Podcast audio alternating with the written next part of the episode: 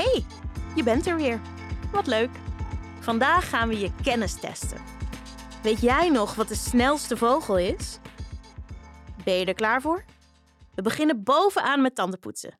3, 2, 1, starten maar. Ik heb je deze week veel verteld over de stroomlijn.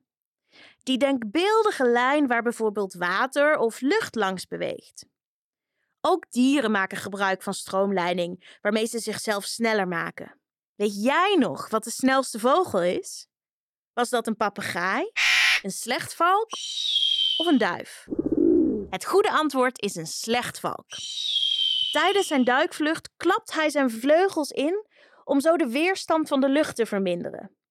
Die aanpassing van zijn lichaam noemen we stroomleiding.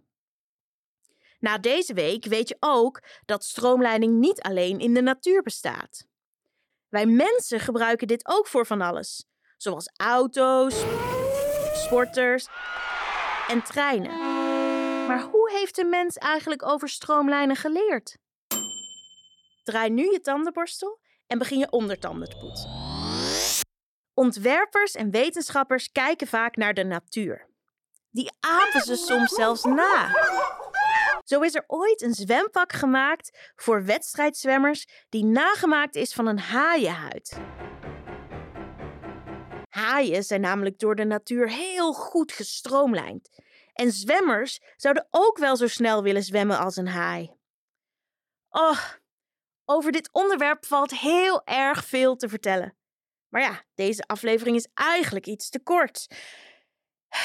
Anders sta je morgen nog steeds je tanden te poetsen. Weet je wat? De komende weken ga ik je iedere week iets leuks vertellen.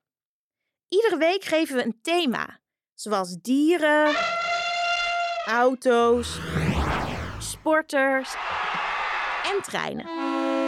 Zullen we volgende week beginnen met iets wat tussen de vogels vliegt? Laten we het gaan hebben over vliegtuigen volgende week. Dat was het voor nu.